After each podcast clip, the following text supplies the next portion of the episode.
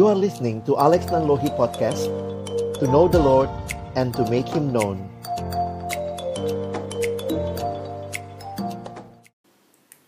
Selamat sore uh, Bapak Ibu, saudara-saudara yang dikasih dalam Tuhan Yesus Kristus. Uh, Bersyukur buat kesempatan ini Boleh sharing firman Tuhan dengan Bapak Ibu sekalian.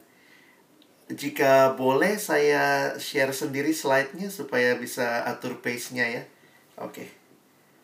Jadi bisa uh, mungkin kalau saya rasa ini nanti bisa saya skip atau saya berhenti lebih lama di slide tertentu.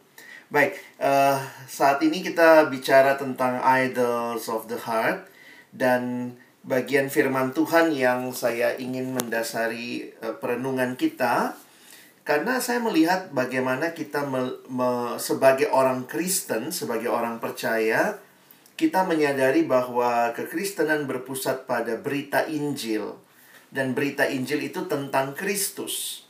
Jadi saya pikir ini yang harusnya sangat mendasari pemahaman kita tentang kekristenan. Dan yang menarik bahwa Injil itu bukan hanya sesuatu yang dibutuhkan oleh orang yang belum percaya pada Yesus. Perhatikan kalimat ini bahwa Injil dibutuhkan justru juga untuk orang-orang yang sudah percaya pada Kristus bagi kita yang sudah percaya, Injil itu seharusnya membentuk hidup kita. Jadi, saya mengajak kita melihat Galatia pasal yang kedua. Kita akan melihat ayat 11 sampai ayat yang ke-14. Ayatnya sudah ada di screen, jadi saya harap Bapak Ibu bisa mengikuti sama-sama. Saya bacakan buat kita.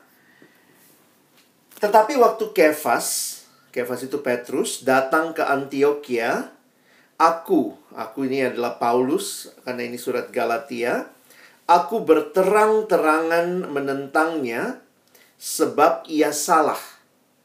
Karena sebelum beberapa orang dari kalangan Yakobus datang, ia makan sehidangan dengan saudara-saudara yang tidak bersunat, tetapi setelah mereka datang, ia mengundurkan diri dan menjauhi mereka karena takut akan saudara-saudara yang bersunat. Dan orang-orang Yahudi yang lain pun turut berlaku munafik dengan dia sehingga Barnabas sendiri turut terseret oleh kemunafikan mereka. Tetapi waktu kulihat bahwa kelakuan mereka itu tidak sesuai dengan kebenaran Injil, aku berkata kepada Kefas di hadapan mereka semua, "Jika engkau seorang Yahudi hidup secara kafir dan bukan secara Yahudi, Bagaimanakah engkau dapat memaksa saudara-saudara yang tidak bersunat untuk hidup secara Yahudi? Mari kita berdoa sekali lagi sebelum kita melanjutkan perenungan kita. Bapa Surgawi kami telah membaca firman-Mu. Buka hati kami supaya setiap kebenaran boleh sekali lagi menjadi hal yang memerdekakan kami dan menolong kami untuk boleh hidup seturut dengan kehendakmu. Waktu ke depan, kami persembahkan dalam tangan pengasihanmu berkati hambamu yang menyampaikan setiap kami yang mendengar, juga interaksi di antara kami boleh semakin menolong kami untuk bukan hanya memahami firmanmu, tapi juga melakukannya dan bahkan membagikannya di dalam hidup kami. Dalam nama Tuhan Yesus Kristus Sang Firman yang hidup, kami menyerahkan waktu pemberitaan firman-Mu. Amin. Ya, Bapak Ibu Saudara yang dikasihi Tuhan, menarik memperhatikan bagaimana pertentangan ini terjadi, bagaimana Paulus mengoreksi Petrus. Dan kalau kita perhatikan Petrus sudah rasul ya, rasul besar dari kantor pusat kira-kira begitu ya. Dan kemudian dia datang ke Antioquia tapi kemudian ketika belum datang orang-orang Yahudi lain yang dari kantor pusat kira-kira begitu ya. Petrus masih makan sehidangan dengan orang-orang non-Yahudi. Tapi ketika yang dari kantor pusat datang, yaitu notabene orang Yahudi, maka Petrus menarik diri begitu ya. Dan akhirnya ada ayat yang menarik dalam ayat 13 ada kata yang menarik Paulus mengatakan yang lain pun turut berlaku munafik. Sehingga dikatakan Eh, Barnabas juga jadi turut terseret oleh kemunafikan mereka. Nah, menarik bagi kita perhatikan di ayat yang ke-14, Bapak Ibu sekalian. Perhatikan ayat 14 dikatakan tetapi waktu kulihat bahwa kelakuan mereka itu tidak sesuai dengan kebenaran Injil. Jadi menarik ini ya, bahwa orang seperti Petrus pun ini udah rasul besar, tetapi uh, mesti terus me, me, menyetel hidupnya sesuai dengan kebenaran Injil. Dan bahkan di surat Filipi, Paulus berkata kepada jemaat, "Hanyalah, hanya hendaklah hidupmu berpadanan dengan Injil." Sesuai dengan Injil, in line with the gospel, dengan Injil Kristus.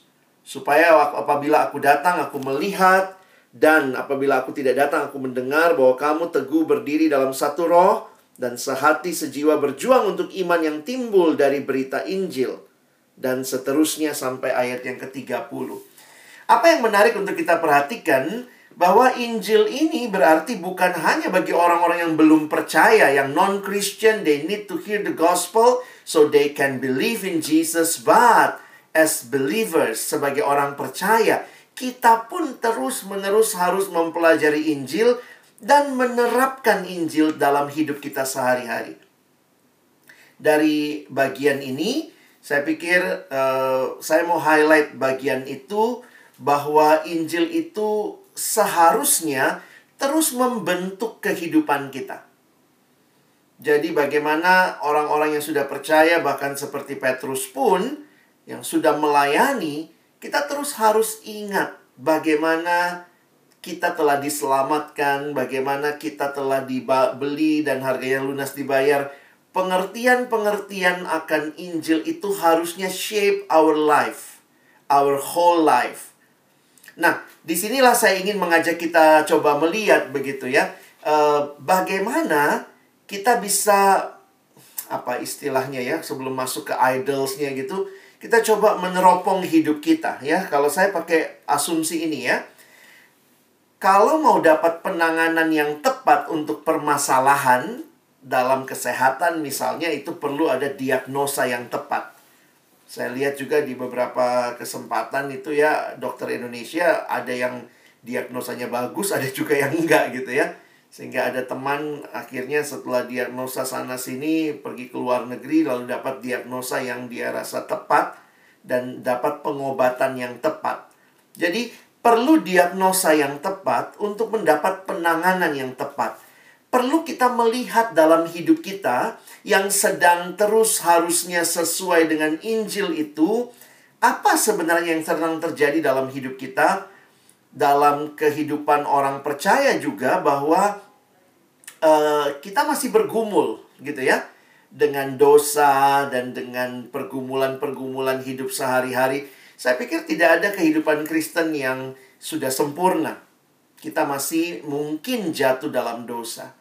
Dan sebagaimana yang saya juga pernah bagikan kepada saudara dari Roma pasal 6, itu menunjukkan bahwa bahwa manusia masih mungkin melakukan dosa, masih bisa jatuh dalam dosa, tapi perlu untuk kita belajar melihat sebenarnya apa sih masalahnya sehingga kita bisa menanganinya dengan tepat.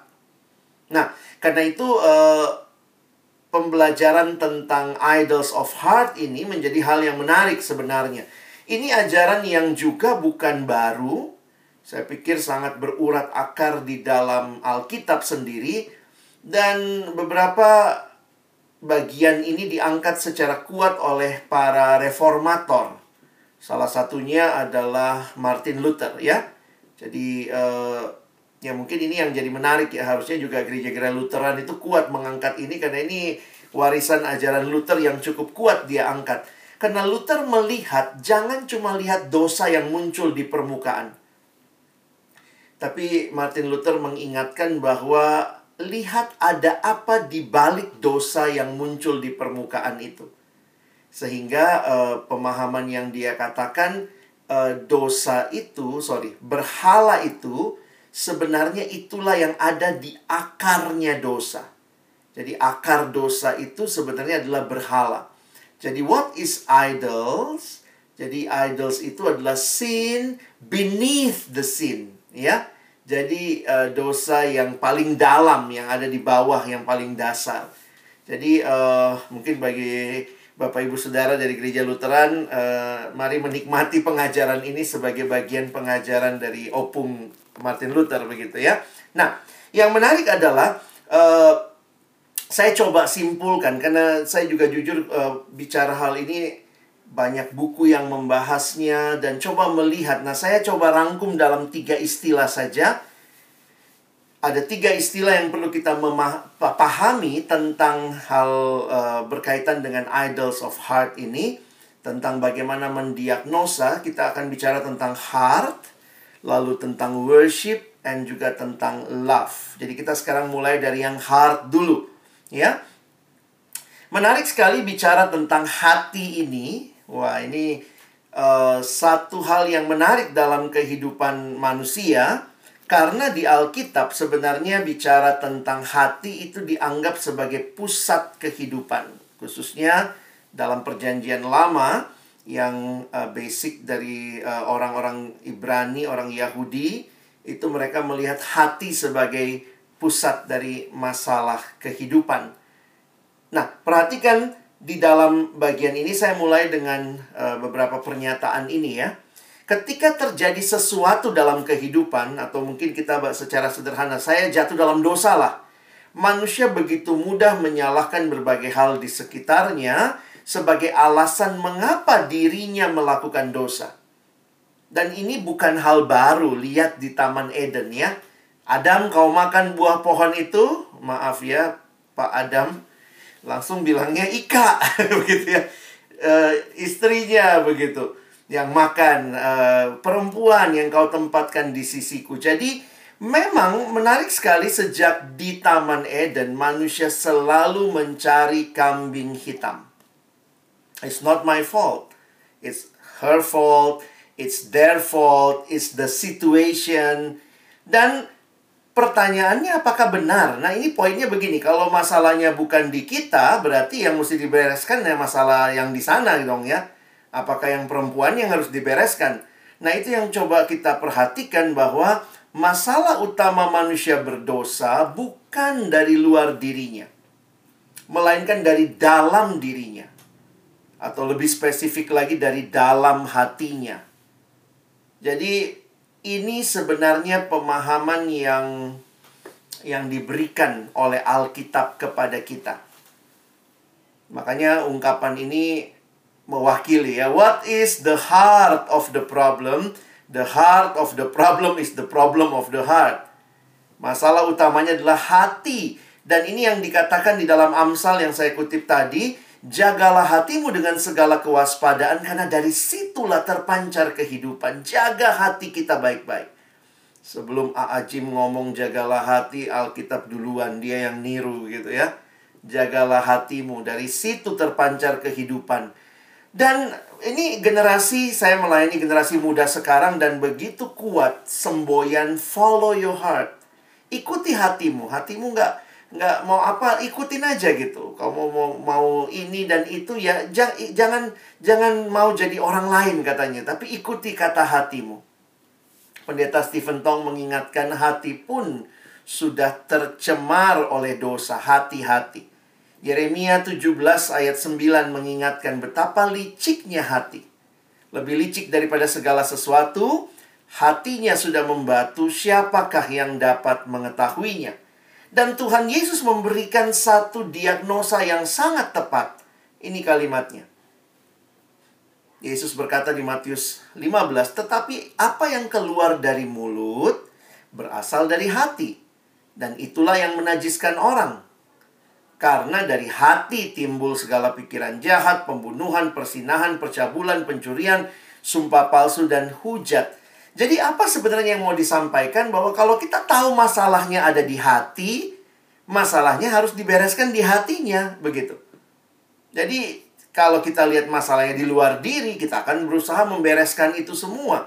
Sehingga misalnya ya ada yang mengatakan masalahnya itu di busana. Eh, laki-laki berpikiran kotor karena perempuan bajunya terlalu terbuka. Akhirnya yang diurusin baju perempuan begitu ya lupa bahwa masalahnya ada di hatinya yang kemudian menjadi begitu rupa. Jadi, kalau kita perhatikan uh, Alkitab dengan jelas mendiagnosa masalah bahwa the real problem is human heart. Karena itu kalau kita belajar keselamatan yang menarik begini uh, Bapak Ibu sekalian, bahwa keselamatan itu adalah kita diberikan hati yang baru. Itu yang dikatakan di dalam Yehezkiel 36. Para perhatikan ayat 25 ke bawah ya. Ini karena saya tidak sedang bicara keselamatan tapi saya mau menyinggung bahwa tidak ada yang bisa mereparasi hati selain Tuhan. Kalau Bapak Ibu punya jam Rolex, kalau rusak ya pergilah ke service centernya Rolex. Di situlah tempat terbaik saya pikir memperbaikinya. Dan ketika hati manusia rusak, harusnya datang ke pembuatnya. Karena itu menarik sekali janji Allah bagi Israel bahwa aku akan memberikan kepadamu hati yang baru. Bukan hati lama diperbaiki perbaiki saja, tapi a new heart dalam arti bahwa hati yang bukan lagi hati yang keras, tapi hati yang mengikuti kehendak Tuhan.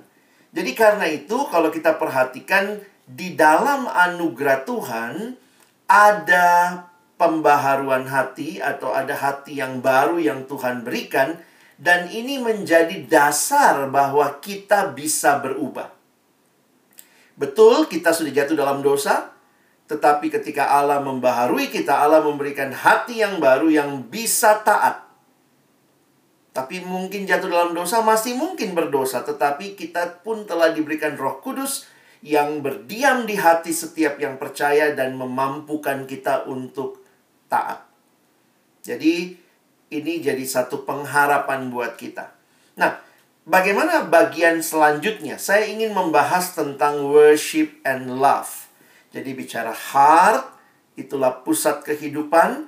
Nah, sekarang kita bicara worship and love. Nah, di dalam Alkitab, dua konsep ini sebenarnya mewarnai pemikiran Alkitab. Saya mulai dengan worship dulu dan love ini saya akan taruh di belakang. Sebenarnya kalau kita perhatikan ya, ini konseptual Allah menciptakan manusia itu buat siapa? Waktu Allah ciptakan manusia pertama kali, apakah manusia diciptakan untuk diri manusia? Tidak. Secara teologis yang tepat adalah Allah menciptakan manusia bagi dirinya. Berarti manusia itu adalah makhluk yang dicipta untuk Allah. Sehingga di dalam pemahaman ini kita menyadari bahwa manusia pada prinsip dasarnya, default settingnya manusia adalah makhluk yang menyembah karena kita dicipta untuk Allah. Harusnya kita punya settingan menyembah Allah. Dalam bahasa Latin dikatakan manusia adalah homo adoramus. To worship is human. Nah, karena itu kalau kita perhatikan we are made to worship, maka selalu pasti hidup kita itu menyembah. Jadi, dalam hidup Jangan salah, pilihan kita tuh bukan menyembah tidak menyembah. Bukan, bukan itu pilihan kita. Bukan begitu pilihan kita. Karena kita makhluk yang menyembah, maka kita pasti menyembah. Jadi pilihan hidup kita bukan menyembah tidak menyembah. Ini pilihannya. Pilihannya adalah kita sedang menyembah Allah yang benar atau kita sedang menyembah Allah yang salah. Jadi sebenarnya di sinilah kita masuk waktu kita mau bicara lebih jauh tentang kenapa ada yang namanya berhala. Karena itu adalah satu realita manusia makhluk yang menyembah itu sedang menyembah Allah yang salah. Timothy Keller mengingatkan, Everybody worships. The only choice we get is what we worship. Setiap kita menyembah dan pilihannya adalah apa yang kita sembah. Karena kita selalu menyembah, maka siapa pun atau apa pun yang menggantikan posisi Allah sebagai yang terutama dalam hidup kita, itulah yang disebut sebagai berhala. Jadi, berhala itu bagaimana? Ketika kita dikatakan memiliki berhala, waktu kita mengambil sesuatu dari alam ciptaan, Sebenarnya ini logikanya sederhana ya. Kalau Allah pencipta segala sesuatu, maka sebenarnya semua penyembahan berhala itu adalah sedang mengambil sesuatu dari apa yang Allah cipta. Lalu kita mulai menyembahnya, mulai mengasihinya, melayaninya, dan bahkan memperoleh makna hidup daripadanya. Jadi kalau logikanya seperti itu, berhala itu dari mana? Ya dari ciptaan Allah yang kita ambil dan kita tempatkan melebihi Allahnya yang sebenarnya adalah satu-satunya pencipta. Jadi kalau bicara berhala saya harap kita tidak kemudian mikirnya oh patung-patung di perjanjian lama. Tapi sebenarnya kalau mengerti konsep ini sampai hari ini pun Ketika kita sedang tidak menyembah Allah yang benar, kita sedang menyembah yang yang salah, yaitu berhala. Jadi, kalau seluruh ciptaan mungkin jadi berhala, ya karena kan logikanya seperti itu ya. Maka berhala itu berarti mengubah sesuatu yang baik. Ciptaan itu kan sebenarnya baik ya. Tapi kemudian yang baik itu kita jadikan yang terutama. Jadi jangan berpikir Bapak Ibu berhala itu selalu yang tidak baik. Tidak. Hal yang baik bisa jadi berhala. Karena kenapa? Karena hal yang baik itu kita jadikan terutama. Nah, kita lanjut dulu ya. Sekarang kita lihat ini mulai masuk penjelasan Luther di sini yang sangat menarik. Luther berkata, "Perhatikan bahwa Keluaran 20 dimulai dengan jangan ada padamu Allah lain di hadapanku." Jadi uh, mungkin uh, hintsnya Martin Luther, Tuhan tuh sudah tahu kita tuh pasti nyembah. Karena itu perintah pertama bukannya kamu tidak menyembah. Bukan, tapi jangan sampai salah sembah. Kira-kira begitu. Hai makhluk-makhluk penyembah, jangan ada padamu Allah lain di hadapanku. Karena waktu kita sedang tidak menyembah Allah, kita pasti sedang menyembah Allah lain. Makanya bagian ini ya Martin Luther bikin pertanyaan seperti ini ya. Mengapa 10 perintah Allah diawali dengan larangan menyembah berhala? Martin Luther berargumen bahwa itu karena kita tidak pernah melanggar perintah-perintah yang lain tanpa lebih dulu melanggar perintah yang pertama. Jadi sebenarnya kalau kita lihat misalnya ada perintah jangan mencuri. Luther bilang bukan cuma satu perintah yang dilanggar, pasti dua. Kenapa? Karena orang yang mencuri mungkin sedang menempatkan uang sebagai Allah yang dia sembah. Makanya yang dia langgar perintah pertama, jangan ada padamu Allah lain. Dia sudah taruh uang sebagai Allahnya dan perintah mencurinya. Kira-kira begitu penjelasan opung kita ya. Makanya dia ingatkan lagi bahwa 10 perintah Allah itu dimulai dengan arahan agung jangan menyembah berhala dan ini menjadi dasar yang sangat uh, kokoh begitu. Jadi Luther sebenarnya mengatakan jangan cuma lihat mencurinya. Waktu dia mencuri, ada berhalanya apa? Waktu kita melanggar perintah jangan berzina. Sebenarnya apa yang sedang jadi Allah sampai orang berzina? Jangan-jangan yang jadi Allah adalah seks. Seks itu baik. Siapa yang ciptakan seks? Tuhan. Tapi kemudian kita jadikan seks yang terutama. Dan itu yang kemudian di, dijadikan berhala. Jadi uh, ini yang terus-menerus uh, jadi pergumulan dan Luther dalam perenungannya yang dalam ya. Dan bagi saya yang menarik karena Luther itu baca dua kitab utama ya yang sangat membukakan pikiran dia adalah kitab Galatia dan juga kitab Roma. Jadi dia menggali kekayaan Injil reformasi itu dari dua kitab yang indah ini di mana pusatnya adalah berita Injil dan di luar itu berarti ada berhala lain yang sedang disembah. Nah, dalam ajaran reformasi selanjutnya lebih jauh lagi kemudian ada yang namanya Yohanes Calvin. Nah, Calvin sendiri juga dari pemahaman ini mengingatkan ya dengan kalimat ini.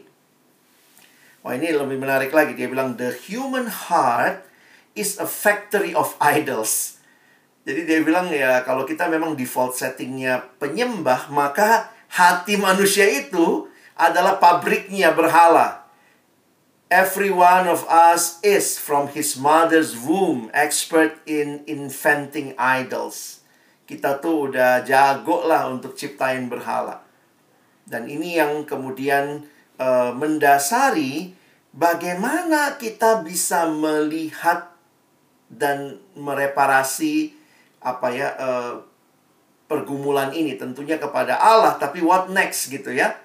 Nah, ini kalimat yang dilanjutkan, penyembahan berhala ada di mana-mana dan memiliki kuasa atas tindakan-tindakan kita karena memiliki kuasa atas hati kita.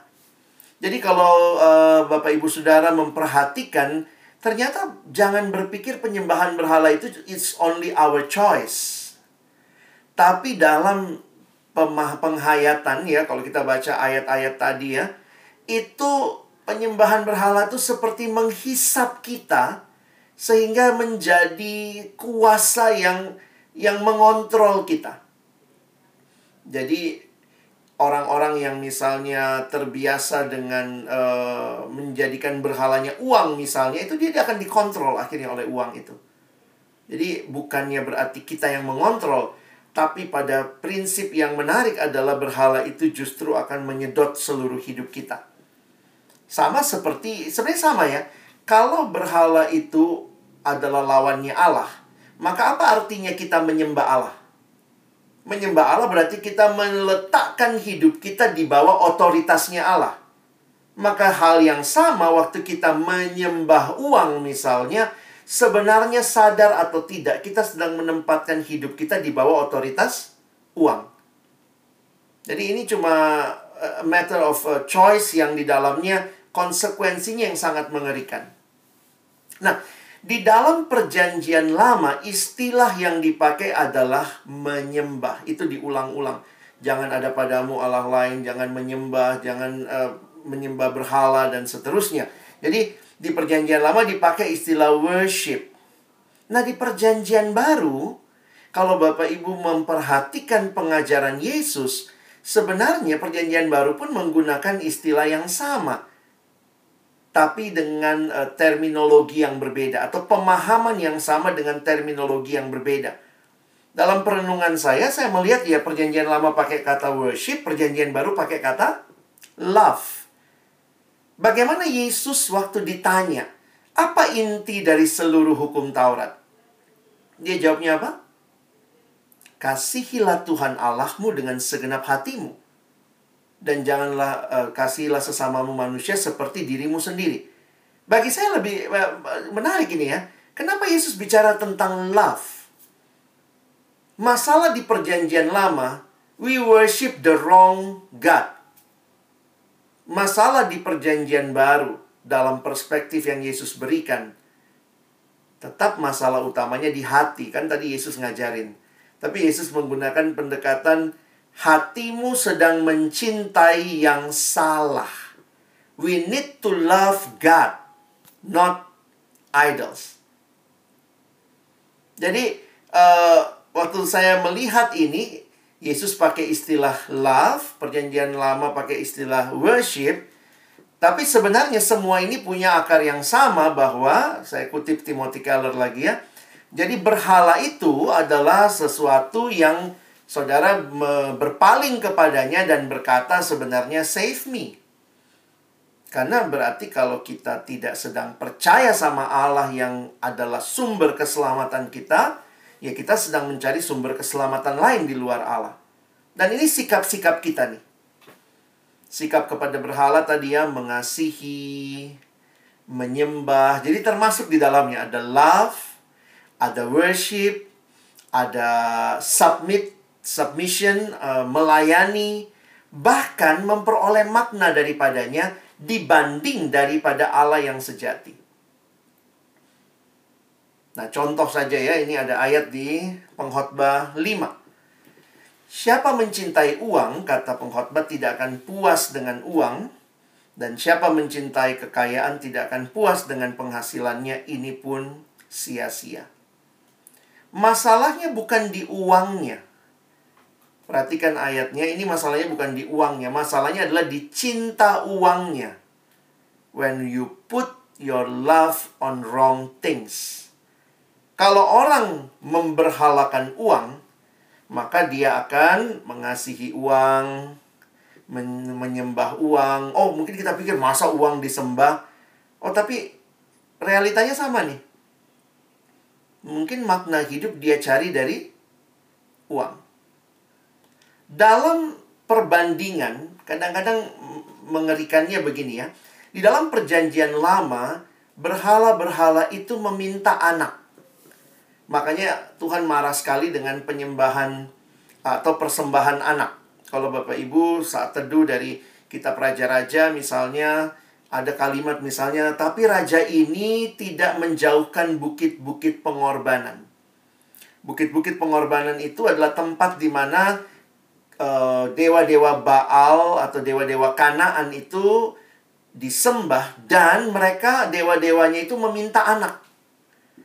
Waktu itu seperti itu tuh pola penyembahannya. Karena itu Tuhan uh, di Alkitab jelas banget sangat keji kalau memper, mempersembahkan anak. Tuhan sangat murka ya. Nah, sehingga kalau kita perhatikan uh, penyembahan berhala tuh sampai mema, apa ya mengambil anak gitu ya. Atau korbannya adalah anak.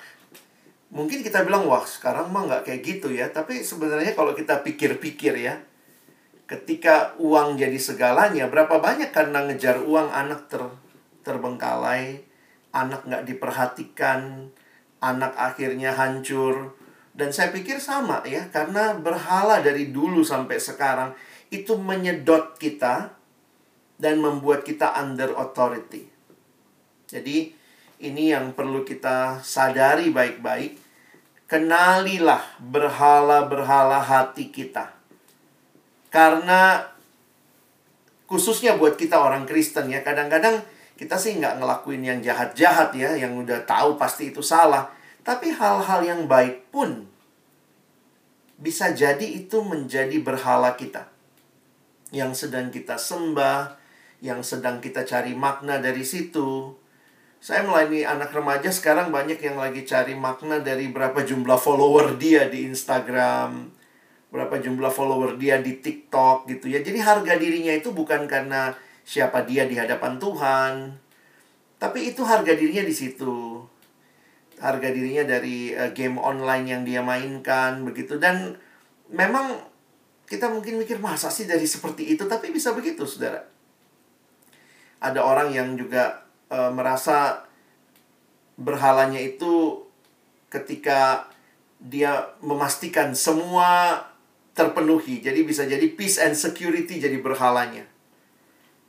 Ya, kalau kita coba gali-gali hidup kita lah ya, bukan berarti peace and security is not good. That is a good thing. But when we put it as something the the most important thing, kalau kita kerja hanya buat security supaya bisa beli asuransi, cover semua anak, istri kita, kadang-kadang apakah hanya sekadar itu? Itu hal yang baik.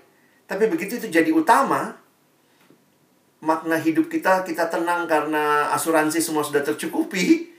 Saya pikir jangan-jangan kita sedang menempatkan asuransi yang memelihara hidup, bukan Tuhan. Kira-kira seperti itu. Orang tua bisa jadi berhala? Oh bisa. Anak bisa jadi berhala? Bisa juga gitu. E, pekerjaan kita bisa jadi berhala? Oh bukan bisa lagi, banyak yang seperti itu. Jadi akhirnya uh, banyak ketika berhenti kerja ya di Indonesia dalam situasi begini kadang nggak mudah. Banyak begitu berhenti kerja juga malas ke persekutuan. Kenapa harga dirinya di situ? Jadi paling malu kalau nggak punya kerjaan. Saya pikir harusnya kita paling malu karena nggak punya Tuhan ya dalam hidup kita ya. Sebenarnya itu ya poinnya. Tapi ya itu realitanya kita hidup dalam dunia yang memang comparing makna itu didapat dari apa yang kamu kerjakan. Udah udah kerja aja ditanya kerjanya apa Oh, cuma itu kerjanya. Oh iya, jadi kita pun masih memberikan level ranking terhadap pekerjaan. Sehingga banyak orang yang menempatkan harga dirinya dari kerjaannya dia.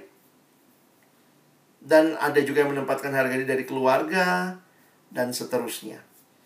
Nah, beberapa buku yang uh, saya baca, salah satunya buku dari Kyle Idleman.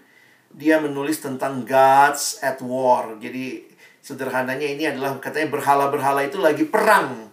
Nah, perangnya di mana? Di hati kita, ya. Karena hati kita kan tempat uh, produksinya idols ya. Dia mengatakan the battlefields of the of the gods is our heart. Ya. Lalu dia lanjutkan gitu uh, kalimat ini. What you are searching for and chasing after reveals the God that is winning the war in your hearts. Jadi apa yang sedang kita kejar, ya mungkin ini cara cara yang baik juga untuk kita coba evaluasi ya apa sih yang gue lagi kejar ya. Hidup itu akan menurut saya bermakna kalau apa dan seterusnya. Dan uh, apa yang sedang kita kejar itu bisa jadi itu adalah berhala yang sedang me, me, memenangkan peperangan di hati kita. Jadi uh, ini beberapa kesimpulan. Idolatry isn't just one of many sins, rather it is the one great sin that all other come from. Jadi itu lebih jadi akar dari semua dosa. There are a hundred million different symptoms, but the issue is always idolatry. Jadi berhala itu bisa muncul dalam berbagai bentuk. Tapi sebenarnya akarnya adalah sebuah hati yang tidak sedang menyembah Allah. Nah, Rebecca Manley Pippert dalam bukunya Out of the Salt Shaker into the World, dia mengatakan menegaskan apa pun yang mengendalikan hidup kita disebut Tuhan kita. Karena kita ini makhluk yang menyembah, kita itu posisinya submit ya kita bukan otoritinya di kita. Kita selalu submit under which authority? God's authority or the idol's authority. Jadi menarik dia punya asumsi selalu ada Tuhan atas hidupmu, sadar atau tidak. Jadi orang yang mencari kekuasaan, siapa tuannya? Kekuasaan. Siapa yang mengendalikan dia? Kekuasaan.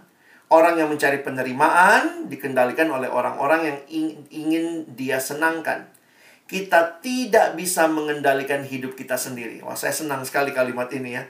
Kadang-kadang saya pikir sayalah Tuhan atas hidup saya. But at the same time, because we are worshipful being, kita always submit to other. Kita tidak bisa mengendalikan hidup kita sendiri. Kita selalu dikendalikan oleh Tuhan atas hidup kita. Nah, siapa Tuannya? Itu sudah saya bahas waktu kita bahas Roma pasal 6. Nah, jadi kalau kita combine ini ya, konsep tadi heart pusatnya sekarang bicara di heart itu siapa yang sedang di worship. Di heart itu siapa yang sedang kita love. Nah, ada satu buku yang menggabungkan pemikiran ini. Saya senang dengan buku ini kalau Bapak Ibu senang agak sedikit filosofis tapi menarik sekali. You are what you love ditulis oleh seorang filsuf Kristen ya. Dia kategorinya memang filsuf, bukan sekedar teolog. Jadi tulisannya sangat filosofis tapi praktis, menarik sekali orang ini. Nah, James K. Smith menulis buku You Are What You Love karena orang biasanya bilang you are what you think. Nah, dia coba kasih beberapa pembuktian dan dia pakai teori idol study segala macam dia menggambarkan bahwa sebenarnya kita adalah makhluk yang mencinta. Jadi kita selalu mencinta atau selalu menyembah sesuatu yang kita cintai. Nah, kesimpulan dia yang saya pakai asumsinya dengan tiga hal tadi ya. Heart, worship, and love. Nah, lihat bagaimana dia memberikan uh, kesimpulannya. You need to curate your heart. Kamu harus me, apa ya curate itu lebih kepada memeriksa hatimu. You need to worship well Lalu dia simpulkan, because you are what you love, and you worship what you love. Oke? Okay? Jadi mungkin Bapak Ibu dari tadi saya ngomongnya sebenarnya ini kesimpulannya. Bahwa selalu ingat masalah utama kita di hati. Dan ada apa di hati kita, bagaimana memeriksanya supaya kalau menanganinya tuh gampang gitu ya. Supaya kalau kita periksa hati kita tuh gampang, lihat aja apa yang sedang kita cintai atau apa yang sedang kita sembah. Nah, dalam titik ini saya harus katakan banyak sekali buku-buku sekarang yang membahas dari uh, dasarnya ini, dasar tentang idols. Lalu ada beberapa buku yang membahas tentang hal ini. Nah, saya belajar juga ya, saya berusaha baca beberapa buku karena begini, uh, semua buku punya perspektif yang menarik. Jadi uh, uh, di Alkitab itu Tuhan tidak kasih satu bagian yang membahas semuanya, ya. Jadi saya pikir juga dalam hikmatnya Tuhan ada orang-orang yang dia berikan uh, apa ya pemahaman yang baik bisa menuliskan buku-buku ini dan ya buat kita yang membaca ya tinggal kita ramu ya. Nah, ini kira-kira hasil ramuan saya setelah saya pelajari ada beberapa buku yang saya pakai. Nah, ini Bapak Ibu bisa menolong kita untuk melihat hati kita. Teorinya udah tahu ya, di hati itu ada yang sedang disembah. Di hati itu ada yang sedang dicinta. Nah, eh, ini buku yang terkenal juga saya pakai uh, pendekatan dia, you can change God's transforming power for our sinful behavior and negative emotions. Tim Chester dalam bukunya ini asumsi dasarnya dia adalah uh, saya kasih asumsi dasarnya ya. Dia mengatakan kan kalau kita sedang menyembah kalau kita sedang menyembah yang salah, sebenarnya apa sih yang sedang ditawarkan? Kenapa orang bisa begitu rupa ikuti berhala? Nah, dia gambarkan begini. Di balik setiap dosa ada kebohongan. Ya, uh, jadi dia lagi mencoba melihat ada kebohongan apa di balik itu ya. Nah, ayat yang dia pakai adalah ini. Roma 1 ayat 25 sebab mereka menggantikan kebenaran Allah dengan dusta dan memuja dan menyembah makhluk dengan melupakan penciptanya. Muncul kata menyembah ya. Pencipta yang harus dipuji selama lamanya. Jadi lihat premis-premis dia ya.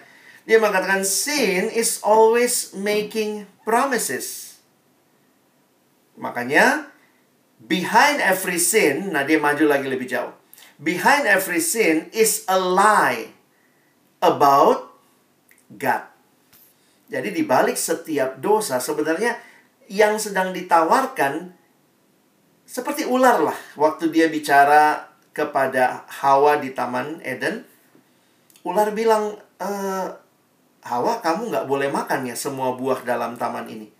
Oh Hawa ngerti ular nih salah, nih PA-nya nggak bener nih. Tuhan nggak bilang begitu ular. Karena ular bilang, semua pohon nggak boleh kamu makan. Hawa bilang, bukan begitu. Semua boleh kami makan, satu jangan. Lalu kemudian ular bilang, oh, kalau kamu makan itu, kamu akan jadi seperti Allah. Matamu akan terbuka. Jadi, ular sedang menawarkan kebohongan. Dan dalam kebohongannya ini yang dia sedang serang adalah Allahmu tidak mau kamu tahu kebenaran karena itu mendingan kamu makan, waktu kamu makan terbuka matamu. Karena Allah ini kurang baik sama kamu Hawa. Allah kurang serius dengan kamu. Allah nggak mau kamu tahu yang dia tahu. Jadi behind every sin is a lie about God. Nah dia menyimpulkan dengan 4 Gs, 4G ya. God is great, God is glorious, God is good, God is gracious. Jadi kebohongan iblis selalu yang diserang adalah Tuhan, ah Tuhan lu nggak ya kecil lah bisa dikalahin. Nah Tuhannya kurang mulia, Tuhan tuh nggak baik, Tuhan kurang baik lah ya sama kamu, Tuhan kurang murah hati. Jadi itu yang sedang terus diberikan oleh iblis dengan kebohongan-kebohongannya. Kenapa Bapak Ibu perlu tahu ini? Perhatikan ketika kita sudah sedikit banyak mengenali apa yang menjadi masalah berhala kita. Dan lihatlah bagaimana dunia dipakai iblis untuk mempromot nilai-nilai yang mau mengatakan bahwa ya dunia lebih baik bisa memberikan jaminan kepada kita daripada Tuhan dan seterusnya. Nah, ini ditegaskan juga oleh John Stott dalam buku-bukunya. Saya kutip beberapa. Dia mengatakan iblis sejak awal yang memutarbalikkan firman Tuhan. Iblis membuat hal yang berlimpah padahal dalam Tuhan itu berlimpah terasa tidak memuaskan. Dan hal-hal yang dilarang jadi nampak menarik. Jadi uh, ini udah iblis itu salesman yang luar biasa ya untuk neraka ya. Sampai sekarang salah satu kesibukan iblis adalah menjadikan hal-hal yang diizinkan Allah nampak membosankan dan hal-hal yang dilarang nampak menarik. Jadi sedikit kesimpulan lagi, perbuatan dosa hanyalah gejala yang muncul di permukaan, kata Chester. Perbuatan dosa adalah hanya gejala yang muncul di permukaan dari sumbernya adalah hati yang sedang tidak percaya kepada Allah dan lebih percaya kepada yang bukan Allah, lebih percaya kepada kebohongannya si iblis. Jadi, ini kesimpulan dia. Dosa pada intinya adalah masalah nggak percaya sama Allah. Nggak percaya Allah cukup baik, eh, percaya Allah baik, nggak percaya Allah besar, melihat bahwa ada tawaran lain yang lebih baik, lebih besar. Dosa tidak mau membiarkan Allah sebagai Allah. Dosa menolak mengakui kebergantungan kita yang terus-menerus kepadanya. Nah, nanti Bapak Ibu bisa bisa coba menempatkannya. Sebenarnya ini uh, perlu perlu kita elaborasi ya. Kalau ada waktu nanti Bapak Ibu coba perhatikan ya. Uh, misalnya ya, pornografi. Masalahnya dari dalam apa luar diri? Kalau lihat semua yang dipaparkan ya pasti dari dalam Lalu nanti cari lagi apa lies yang ditawarkan oleh pornografi. Kebohongan-kebohongan apa yang ditawarkan oleh pornografi? Dan jawabannya adalah melihat betapa luar biasanya Allah yang melampaui apa yang bisa ditawarkan oleh pornografi. Pornografi hanya menawarkan kepuasan sesaat. Allah menawarkan kepuasan selamanya. Jadi sebenarnya Turn your eyes upon Jesus and think deep. Bet betulkah yang kita nyanyikan tadi? Isi dunia menjadi suram oleh sinar kemuliaannya. Kalau betul-betul mata kita memandang Yesus, harusnya bukannya dunia makin berkilau ya.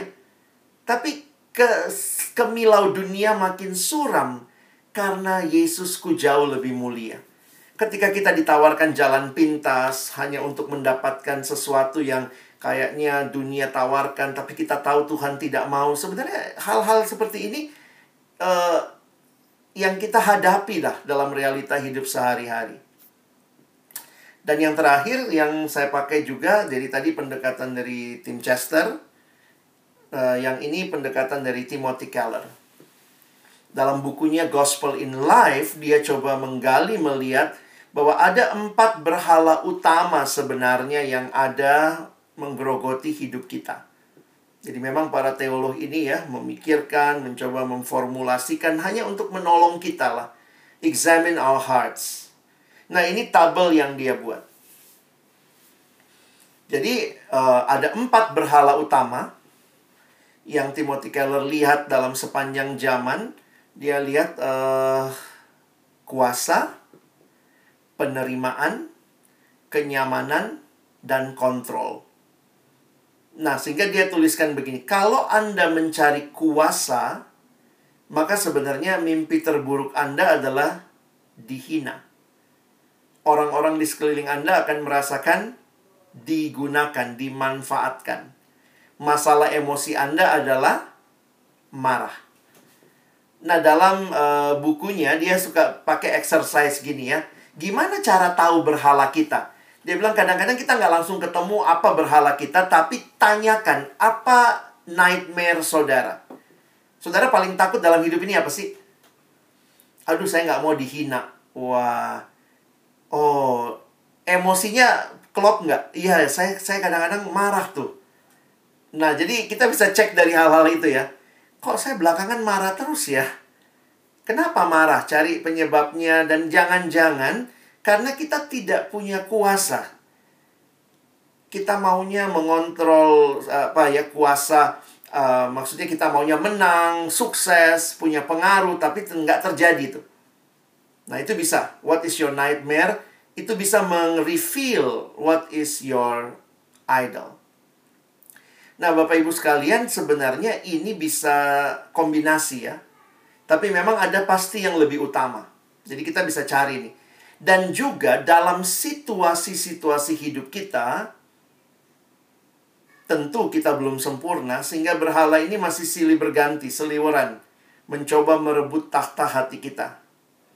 Nah, makanya kita mesti terus ingat pandang Yesus, terus ingat pandang Yesus. Coba kita pakai tabel ini melihat Petrus tadi. Apa kira-kira berhala Petrus sampai dia bisa munafik begitu? Kemungkinan berhalanya pene, penerimaan. Petrus tuh pengen diterima oleh semua orang sehingga waktu datang sebelum datang yang lain dia main sama ini gitu ya. Jadi ya masalah emosinya pengecut sebenarnya orang di sekeliling merasa tercekik. Kalau ada dia ya kita mesti ikutin gitu ya. Nah, mimpi terburuknya ditolak. Dan yang dicari sebenarnya adalah penerimaan. Nah, kalau kita tambah pakai tabelnya uh, Bapak Chester tadi, coba kita tambah lagi satu tabel. Sebenarnya apa yang Allah janjikan sehingga uh, saudara tidak perlu cari kuasa sebagai berhala. Nah, mungkin kita perlu tambah satu tabel itu ya. Melihat kepada kalau sin always making promises which is false promises, maka Tuhan pasti juga punya janji dan janji Tuhan bukan false promises. Jadi mungkin kita tambah satu tabel. What is God's promises? Di sini kita bisa lihat kalau ada yang merasa saya harus punya kuasa, Tuhan mau mengatakan Kuasa itu bukan punyamu, punyaku. Kamu percaya sama aku, maka aku yang akan mengontrol. Aku yang akan berkuasa. Kamu tunduk padaku. Demikian juga penerimaan. Saya dalam banyak hal suka pikir-pikir ya, saya banyak di penerimaan juga ya. Dalam tahap hidup tertentu saya punya ketakutan ditolak, uh, agak pengecut begitu ya. Dan saya cari pengakuan, pinginnya orang uh, respect kepada saya begitu. Tapi akhirnya saya lihat Tuhan jawab dengan begini. Alex, aku menerima kamu apa adanya. Kalau dia tidak terima kamu, pertama ya kamu mesti evaluasi kenapa orang nggak terima kamu. Jangan-jangan ada bagianmu yang harus diperbaiki. Tapi kalaupun dia memang tetap tidak terima kamu, aku terima kamu. Sehingga bagi saya akhirnya penerimaan saya harus berserah Tuhan terima kasih. Saya tidak ber, saya tidak hidup, saya nggak pelayanan untuk cari penerimaan orang, tapi Tuhan menerima saya apa adanya. Nah, Bapak Ibu kira-kira harus coba cari ya, bagaimana firman Tuhan, janji-janji Tuhan, kehadiran Tuhan menolong kita juga dalam apa yang sebenarnya sedang kita cari. Bagi Bapak Ibu yang cari kenyamanan, Apakah memang kenyamanan yang Tuhan janjikan atau Tuhan menjanjikan sebenarnya bukan kenyamanannya tapi kehadirannya yang yang kenyamanannya itu di dalam Dia ketimbang di dalam hal-hal yang kita pikirkan sehingga uh, di sini kita bisa pakai ya uh, diagram ini tabel ini untuk mengevaluasi kehidupan kita terhadap berbagai berhala yang muncul di hidup kita. Nah, sebagai penutup, Mungkin ini pertanyaan yang Bapak Ibu juga tunggu dari tadi ya. Lalu bagaimana dong menggantikan berhala yang kita cintai, yang kita sembah, yang kita layani ini gantinya gimana di hati kita? Secara sederhana, gambaran ini ya, uh, salah satu gambaran yang di Alkitab kalau kita mau lihat di perjanjian lama, Tuhan bicara kepada umatnya dengan bahasa pernikahan. Aku mempelai pria, kamu mempelai wanita. Jadi menarik sekali ini bahasa uh, ikatan pernikahan. Nah, saya kutip kalimatnya Timothy Keller ya. Dosa lebih dari sekadar melanggar perintah Allah. Kadang-kadang kita cuma melihat, oh dosa itu melanggar perintah Allah. Tetapi kalau kita pakai bahasa pernikahan, dosa itu menyakiti hati Allah loh ada emosinya tuh kalau kita bicara cinta di situ. Timothy Keller kasih gambaran orang yang selingkuh. Dia hari Minggu datang sama Tuhan. tapi hari lain dia main sama yang lain gitu. Kira-kira begitu. Jadi bayangkan misalnya Anda punya suami atau istri, satu seminggu sekali saudara datang, benar-benar di hari itu saudara mengasihi dia banget. Itulah hari Minggu kita, wah kita atau mungkin buat uh, saudara-saudara sana hari Jumatnya gitu ya. Oh cinta Tuhan banget hari itu kudus gitu ya. Tapi apa yang terjadi di hari lain? Sehingga dia mengatakan dosa itu jangan cuma bilang melanggar perintah, saudara sudah menyakiti hati Allah. Beberapa ayat yang dia kutip tadi ya, Nah, di dalam Hosea misalnya, dalam terjemahan bahasa Indonesia masa kini, umatku sama seperti istrimu itu. Mereka tidak setia atau bersundal hebat. Jadi dipakai gambaran itu ya. Menyembah berhala di perjanjian lama suka dipakai istilah bersundal. Jadi ini bahasa persetubuhan. Dia main sama orang lain. Dan apa yang digambarkan, lihat ayat ini. Di hakim-hakim mereka meninggalkan Tuhan, Allah nenek moyang mereka yang telah membawa mereka keluar dari Mesir lalu mengikuti Allah lain dari antara Allah Allah bangsa-bangsa di sekeliling mereka dan sujud menyembah kepadanya sehingga mereka menyakiti hati Tuhan. Bapak Ibu, gimana caranya mengatasi selingkuh ya? Ini nggak enak juga pertanyaannya ya. Gimana pulih dari selingkuh ya? Selingkuh itu kan karena kebanyakan ngelihat istri orang mungkin atau suami orang dipandangin lama-lama tambah cantik tambah cantik selingkuh deh gitu ya. Jadi sebenarnya secara sederhana bagaimana supaya kita nggak selingkuh ya udah cintai pasangan kita. Kan itu resep utamanya. Jadi supaya kita tidak main-main sama berhala ya cintai Tuhan. Ku memilih Yesus bukan harta, bukan ladang. Bener-bener milih ya udah. Sama kayak Bapak Ibu milih suami istri ya udah cuman dia gitu ya. Ayo cintai lagi gitu ya. E, belajarlah untuk jatuh cinta lagi tiap hari sama pasangan kita. Kalau enggak ya, ya buanglah foto-fotonya yang lain gitu ya supaya jangan dipandangin terus lama-lama tambah cinta sama istri orang begitu atau sama suami orang Makanya kalimat Tuhan sama Hosea waktu saya renungkan ini udah udah bersundal hebat dia gitu ya. Nah, ini memang bagiannya Tuhan ya. Firman Tuhan kepadaku, pergi lagi. Pergilah lagi, cintailah perempuan yang suka bersundal dan berzina seperti Tuhan juga mencintai orang Israel. Sekalipun mereka berpaling pada Allah lain. Jadi ayo cintai lagi gitu. Makanya menarik ya kalimat tadi ya. You are what you love and you worship what you love. Di mana kita taruh cinta kita? Di Yesus atau berhala? Apakah kita mau mencintai Yesus? Dan dasarnya menarik, menurut saya menarik ya. Dasarnya karena dia telah mencintai kita duluan. I love Jesus because Jesus first loves me. Jadi perjalanan hidup Kristiani itu apa? Adalah perjalanan makin cinta Yesus hari demi hari. Dan itu perjalanan seumur hidup. Dimulai dengan saudara buka hati terima Yesus. Dia berikan hati yang baru. Dia jadi Tuhan dan Juru Selamat. Dan mari berjalan terus di dalam cintanya Tuhan Yesus. Saya lewati beberapa slide ya. Nah, ini kalimat dari John Piper. We make a God out of whatever we find most joy in. So, Find your greatest joy in God and be done with all idolatries. Gimana caranya supaya kita tidak main-main lagi sama berhala? Ya dekat sama Tuhan, cintai Tuhan, nikmati Tuhan, alami sukacita di dalam Tuhan, maka selesailah. Kalau sukacita di dalam Tuhan lebih besar daripada sukacita dengan pornografi, sukacita dengan istri orang, dengan pasangan orang lain, sukacita dengan harta, maka dan gitu ya, kita memilih Tuhan. Karena itu, sekarang saya mau terakhir sebagai aplikasi praktis, bagaimana Bapak Ibu memaknai waktu-waktu kita berdoa, bersaat teduh, kebaktian.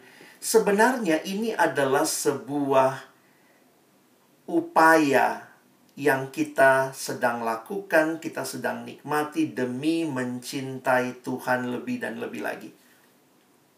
Kalau Bapak Ibu bisa nikmati saat teduh setiap hari sebagai sarana membangun cinta kita kepada Tuhan, itu pasti saat teduhnya bukan jadi beban.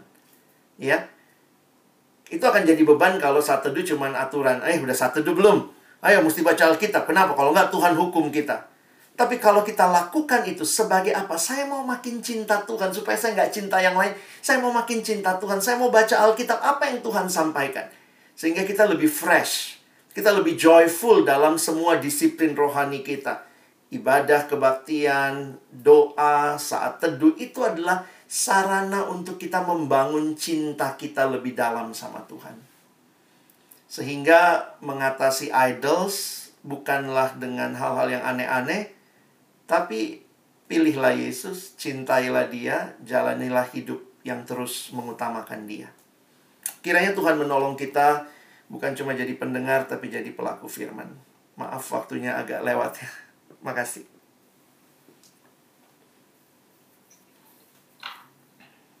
Ya, uh, baiklah terima kasih Pak Alex sudah untuk kita semua. Uh, sebelum kita lanjutkan, mungkin ada yang mau bertanya? Ya, rekan-rekan yang lain yang mungkin ada yang ada yang mau ditanyakan, mungkin bisa langsung saja. Malam Pak Alex, boleh tanya Bang? Iya, Pak Arfan silakan. Ya Pak Alex, di dalam contoh-contoh yang disebutkan tadi tentang uh, jenis-jenis berhala uh, di situ tidak ada pelayanan ya pak. Hmm. pelayanan juga bisa jadi berhala betul pak. Setuju. Thank you. Nanti saya tambahkan di slide. Ada banyak sekali sih pak. Banyak hal yang bisa jadi berhala sejauh itu ciptaannya. Kalau pelayanan masuknya ke mana ya Pak? Di tabel yang 4 tadi Pak. Oke. Sebenarnya tabel yang 4 itu Pak, saya melihatnya uh, bisa masuk ke berbagai bagian. Saya kasih contoh lah ya. Um, ini contoh yang real aja. Ada satu anak mahasiswa datang sama saya. Sorry, ada satu hamba Tuhan datang sama saya dan dia cerita Kak Alex, saya jatuh dalam pornografi. Oke, okay, uh, eh, lalu kemudian uh, saya ya saya bilang ya oke okay, kamu mesti tinggalkan segala macam. Terus dia cerita gini pak, ini yang saya kaget juga. Jadi waktu itu dia bilang tapi kak saya kok ada kelainan ya? Maksudnya kelainan apa? Saya senang pornografinya yang adegannya perkosaan. Jadi itu dia ternyata cari yang bagian perkosaan begitu. Nah, jadi dalam pelayanan konseling yang cukup panjang begitu ya.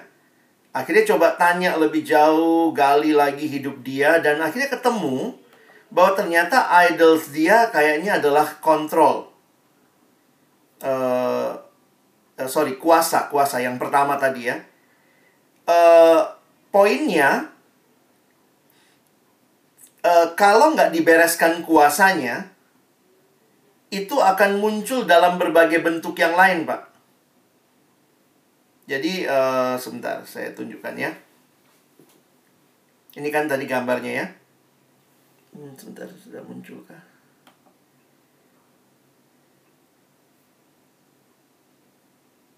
Nah, uh, waktu dia bicara kuasa itu,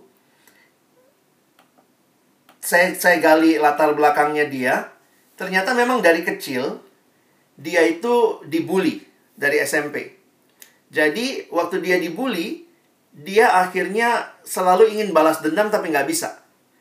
Dan akhirnya waktu dia masuk ke SMA, puji Tuhan memang dia punya prestasi studi yang baik. Jadi anak itu walaupun badannya tetap kecil tapi dia studinya bagus, jadi dia berkembang jadi anak yang selalu mau membuktikan diri, selalu mau sukses, selalu mau menang. Nah, waktu dia masuk kuliah, dia ikut pelayanan. Dan karena memang berhalanya kuasa, itu dalam pelayanan dia muncul sebagai orang yang dominan sekali. Jadi di pelayanan dia dominan, dalam relasi sama papanya, dia ada masalah sama papanya. Pernah saya dekat dengan dia, terus kemudian dia teleponan. Dia angkat telepon. Lalu kemudian di telepon itu dia ngomongnya agak kasar. Udahlah, nanti aja tutup dulu teleponnya. Apaan sih telepon gue lagi sibuk nih. Terus kemudian waktu dia tutup, saya tanya, itu siapa? Papa saya. Waduh, saya bilang kalau bokap gue udah dipukul kali gue ya. Tapi poinnya adalah saya melihat begini. Ketika berhala kuasanya nggak dibereskan, itu munculnya di beberapa hal, Pak dalam selera seks, dia senangnya menguasai, bahkan memperkosa. Kira-kira itu fantasi seksual dia. Dalam pelayanan, dia muncul sebagai orang yang mendominasi. Jadi nggak ada yang suka sama dia. Dalam dalam studi, dia orang yang uh, ambisius banget dengan studinya dia. Nah, poin saya adalah begini. Orang yang punya berhala penerimaan, mungkin juga akan muncul tuh di pelayanan munculnya seperti apa. Jadi tidak bisa dikatakan yang pelayanan itu idolsnya cuma kuasa, enggak juga. Tapi lihat di dalam uh, makanya perlu dilihat beberapa aspek hidupnya. Jangan-jangan ada orang menggunakan pelayanan untuk sarana dia dapat penerimaan. Tapi ada orang yang menggunakan pelayanan sebagai sarana dia bisa punya kuasa. Jadi itu semua sangat tergantung berhala hati kita itu harus kita cari yang utama apa. Karena itu hati-hati, jangan hanya bereskan, uh, makanya saya jadi sadar waktu itu ya, jangan hanya bereskan pornografi, pornografinya, senang senang adegan perkosaan, bukan cuma itu yang dibereskan. Tapi harusnya berhalanya yang dibereskan. Karena ini akan muncul dalam bentuk ke orang tua, dia pun jadi kayak menguasai orang tuanya, ke pelayanan dia jadi dan dia nggak disukai oleh teman-teman pelayanan. Nah jadi bagi saya uh, banyak model dan bisa muncul di berbagai kehidupan aspek-aspek yang berasal berurat dalam akarnya empat hal ini. Kira-kira begitu pak. Makasih Pak Alex. Iya, sama-sama Pak.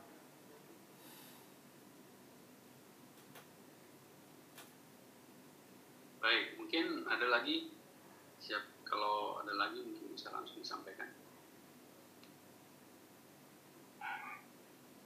Bisa lek. Mau nanya lek? Ya. Silakan. Le. terima kasih Pak Pendeta Alex. Ya. korbannya sumber biasa. Biasa. Uh, yang mau saya tanya uh, penjelasannya tadi idol dengan Allah yang sebenarnya yang kita sembah. Itu kayaknya masih banyak bagi saya ya e, definisinya kayaknya belum jelas banget. Setelah keluar tabel yang tadi itu kita semua itu bakal ke situ gitu loh. Kita bakal ingin kita kita bakal ingin punya kekuasaan eh, kontrol kenyamanan. Kita itu hidup kita itu semuanya itu bakal uh, mengena ke semua bidang yang disebutkan tadi itu. Tadi kalau Pak Alex bilang uh, idol itu kalau yang kita cinta jadi lebih utama gitu. Semua itu sebenarnya siapa yang nggak suka, siapa yang nggak love kekuasaan, kenyamanan, kontrol, semua kita berjuang ke sana. Pada pada akhirnya kita hidup di dunia gitu. Kita bakal suka yang itu. Tapi kalau kita bukan bikin itu sebagai yang utama, Berarti itu kan bukan idol, idolatry. Bukan. Apa begitu definisinya? Betul. Oke, berarti seperti kasus yang baru Pak Alek bilang itu yang anak mahasiswa yang suka menonton uh, pornografi, tapi memang dia mungkin uh, suka uh, uh, mungkin uh, umurnya masih ke sana gitu, masih uh, naik-naiknya gitu tapi dia nggak membuat itu sebagai yang utama. Dia tetap masih melayani dia masih punya mungkin dia manusia nggak ada yang sempurna. Seperti sama seperti Daud juga dia menyembah Tuhan tapi berkali-kali dia juga jatuh dengan dosa yang sama. Jadi apa dia bisa kita masukkan itu idolatry-nya? Sebenarnya belum tentu juga ya. Tetap gimana Pak? begini Pak. Kekuatan kita juga adalah kelemahan kita pada saat yang sama. Itu udah prinsip alam juga jadi kalaupun kita merasa karena anak ini bagus sekali studinya. Jadi di studi dia mungkin excellent tapi sebenarnya kan dalam beberapa hal dia menggunakan sesuatu yang sangat menguasai dia Jadi makanya saya harus katakan itu itu jadi idolatry buat dia dalam hal seksual itu sudah idolatry. Jadi nggak bisa kita bilang ah karena lagi masa-masanya seperti itu.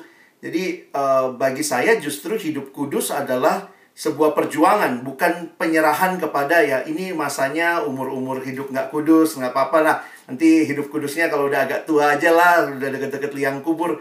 Saya pikir sih nggak bisa begitu ya, karena kehidupan Kristiani kita basicnya adalah membangun hidup kudus dalam Tuhan. Kalau kita gagal, itu bukan berarti kita jadi toleransi. Saya saya tetap sadar ya, kita mungkin sekali gagal. Tapi perjuangan untuk bangkit dan hidup bagi Allah, saya pikir itu harus kelihatan sih sebagai anak Tuhan ya. Kira-kira gitu kali saya, Pak.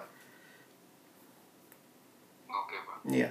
Jadi sebenarnya kalau untuk menstop adultery itu contohnya untuk yang kayak pornografi, yang Iya. hobi shopping, tas-tas, apa segala macam itu, mending solusinya mendekatkan, kayaknya mendekatkan diri sama Tuhan supaya lebih cinta Tuhan, kayaknya lebih susah. Bagaimana kalau internetnya aja dimatiin gak usah itu? Ya, langganan internet gitu Pak.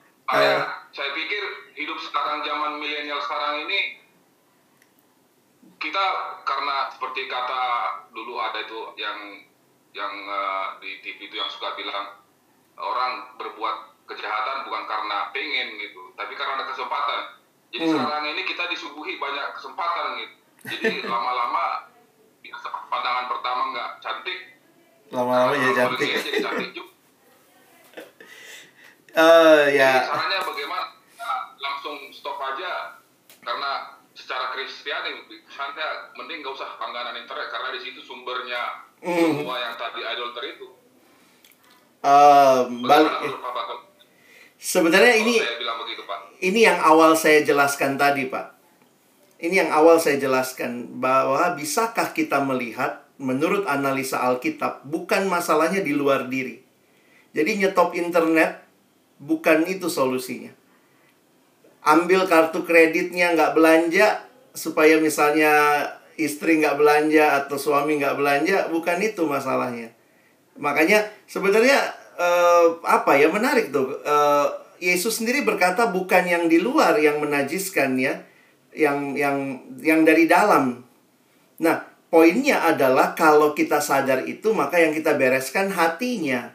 Nah, membereskan hati itu pertama ya kita datang sama pemilik hati, terima dia dalam hidup kita, lalu kita hidup dalam relasi dengan dia dan poinnya begini, dia nggak nonton pornografi mungkin nggak nonton tapi ternyata muncul dalam bentuk lain. Yang kayak tadi kan eh, karena berhala kontrol itu di zaman Daud belum ada internet pun bisa jatuh dalam dosa. Di zaman Saul belum ada internet pun dia bisa punya berhala penerimaan. Jadi sebenarnya ini bukan masalah nyetop internetnya sih pak. Itu itu yang maksudnya eh, menarik memang kalau kita baca bukunya eh, James Smith, James K. A. Smith itu mungkin sederhana sekali ya, bangunlah liturgi hidup yang dekat dengan Tuhan, ya membaca, merenungkan firman Tuhan itu bukan itu bukan embel-embel hidup lah. Tapi itu kesempatan setiap hari hati kita dikalibrasi. Kayak kita main gitar ya. Kapan kita nyetem? Harusnya disetem setiap hari. Apa kalau kita nyetem itu kan ada nada utamanya ya, standarnya. Nah, saya lagi berpikir kalau setiap hari kita datang pada firman Tuhan, kita disetem lagi. Kadang-kadang kita sudah mungkin mau muncul idolatry kita dalam hal apa? Ah, diingatkan lagi, iya ya Tuhan. Kayak saya beberapa kali baca firman pagi-pagi, udah mau sombong juga pelayanan. Ah, biar dia lihat aku siapa gitu ya. Tapi waktu baca Alkitab, emangnya kau pelayanan untuk menunjukkan dirimu? Jadi bagian bagian menikmati firman hari demi hari memberikan kita kembali ke posisi yang benar. Jadi saya pikir eh, bereskan di dalam, di luar silahkan. Kalau kita mau membatasi silahkan. Tapi saya lihat membatasi pun kalau tidak hatinya dibereskan nggak akan selesai.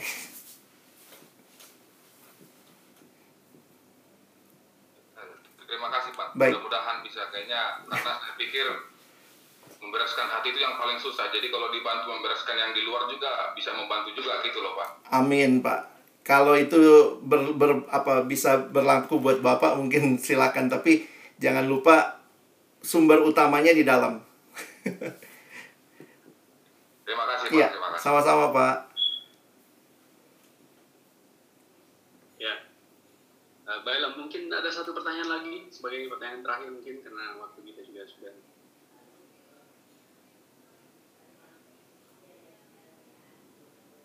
Oke, kalau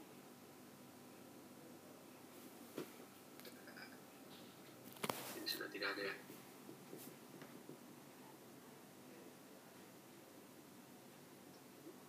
Ya. Shalom, saya mau bertanya ini Pak, boleh ya? Iya, silakan Bu. Iya nih Pak Alex, bukan bertanya sih Pak Alex.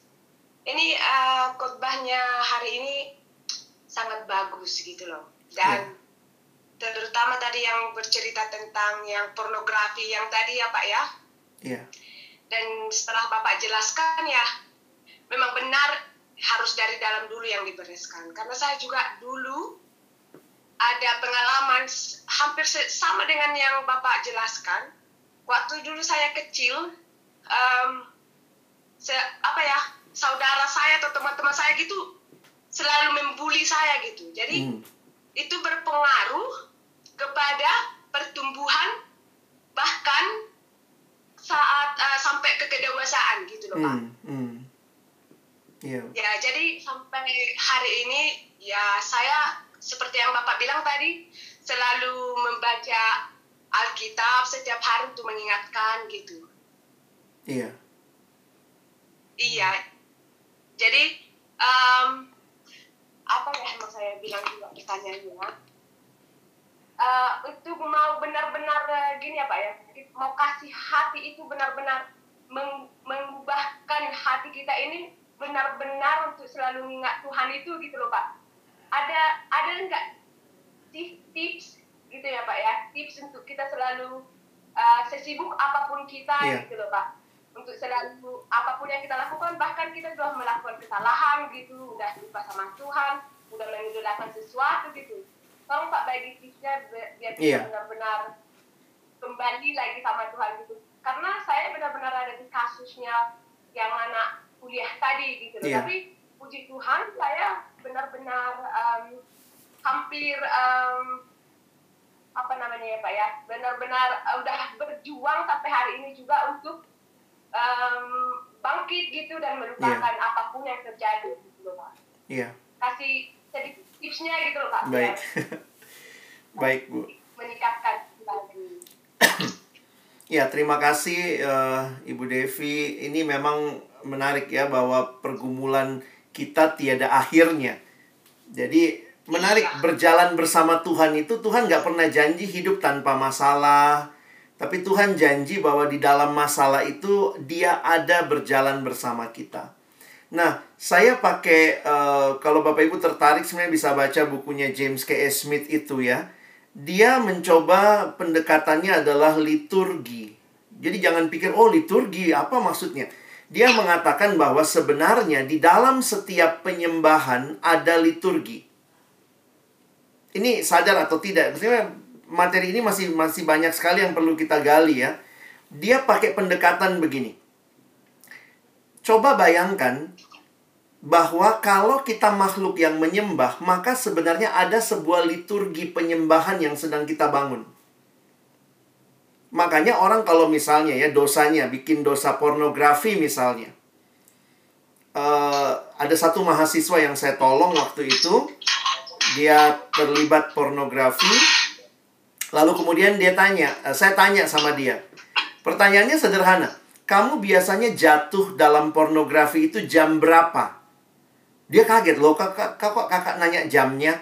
Saya bilang kalau betul teorinya eh, James Smith, itu liturgi. Jadi kita biasanya jatuh dalam pornografi misalnya di jam yang sama atau kalau bukan jamnya sama, situasinya sama.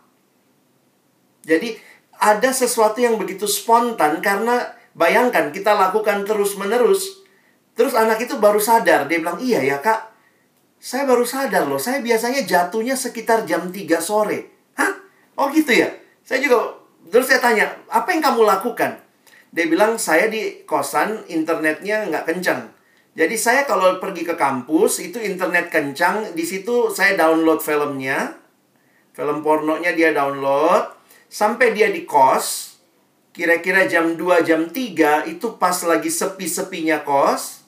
Dia nonton, dia masturbasi, dia nikmatin, sesudah itu menyesal, dia hapus lagi videonya. Besok gitu lagi, liturginya dia ulang lagi.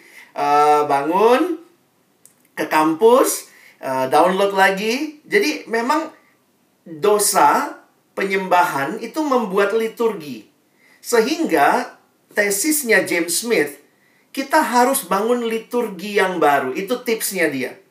Jadi coba bangun liturgi baru. Nah, liturgi baru itu yang harus kita misalnya ya mematahkan liturgi yang lama.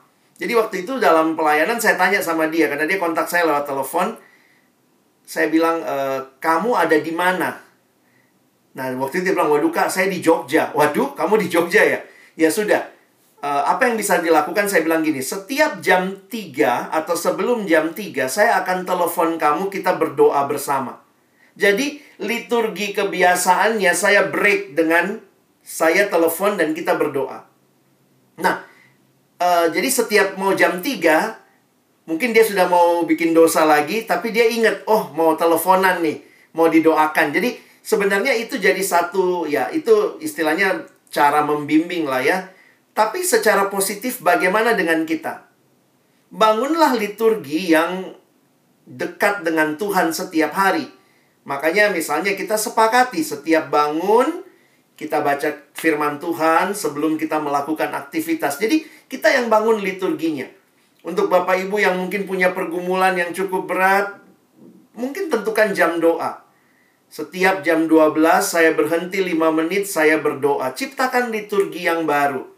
Setiap jam berapa? Nah, itu kalau kita lakukan, nah dia mengatakan sebenarnya gereja itu menciptakan liturgi. Nah, dalam hidup sehari-hari, beri, buatlah liturgi yang bisa menolong kita selalu ingat sama Tuhan. Karena poinnya dia adalah mengingat Tuhan seperti yang Ibu Devi tanya, gimana Pak ya supaya kita ingat Tuhan terus ya? Ya kita menciptakan sebuah liturgi. Nah, liturginya itu poinnya ya. Ada waktu, ada sikap tertentu. Jadi makanya dia bilang juga ya, jangan kalau baca Alkitab tuh tidur-tiduran. Ya mungkin kita benahi sikapnya setiap jam berapa kita bangun, kita duduk, kita baca, kita respon doa. Mungkin kita catat. Nanti jam berapa. Nah itu poinnya kita bangun liturgi yang baru. Itu tipsnya sih Bu. Supaya jangan tiap kali yang kita ingat, aduh mau beli tas apa lagi ya. Aduh, saya pakai tas ini biar saya diterima oleh orang-orang lain gitu. Jadi, akhirnya kita terus memikirkan bagaimana memuaskan apa yang kita inginkan. Mungkin itu kali Bu tipsnya.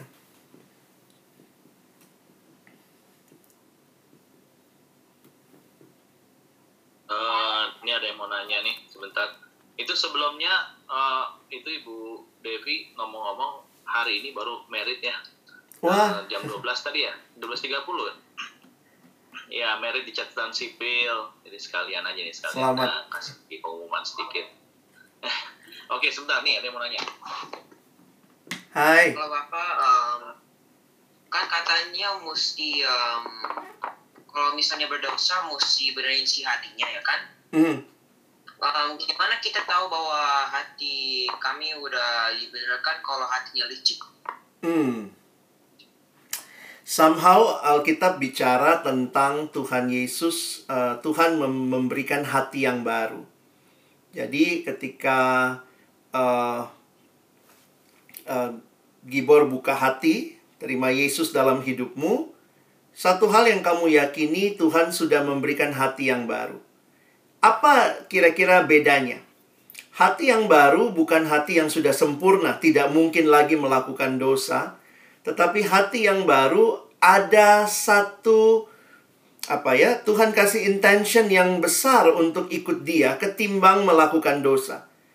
Jadi misalnya kalau sesudah terima Yesus kita mungkin lagi jatuh dalam dosa tapi ketika kita berdosa ada ada hati yang tidak tenang gitu selalu mengingatkan kita ingat kembali sama Tuhan kembali sama Tuhan jadi um, ini beda sama hati yang sebelumnya. Hati di dalam dosa, waktu dia melakukan dosa, is like feel free, what do whatever I like.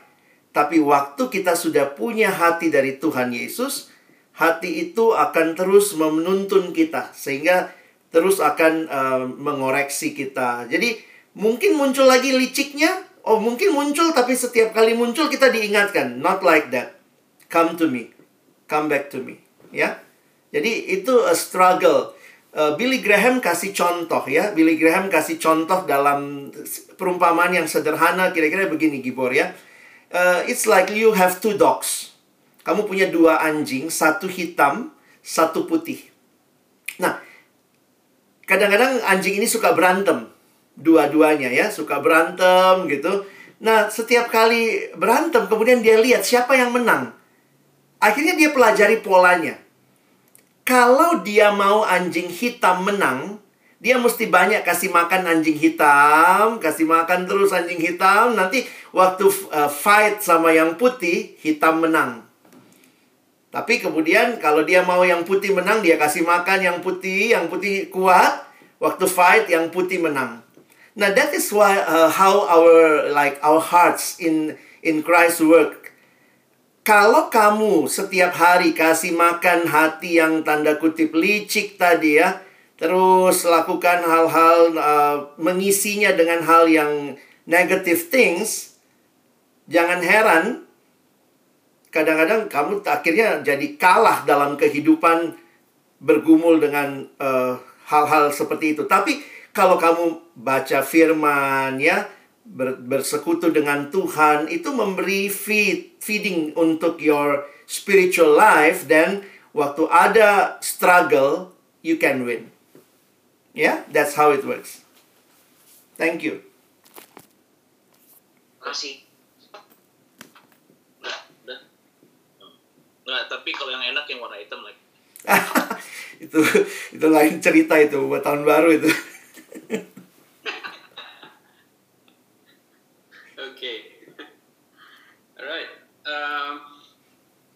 mungkin uh, cukup ya nah, yeah. atau nanti mungkin bisa ditambahkan uh, setelah kita selesai bagian. Uh, sekarang uh, kita akan masuk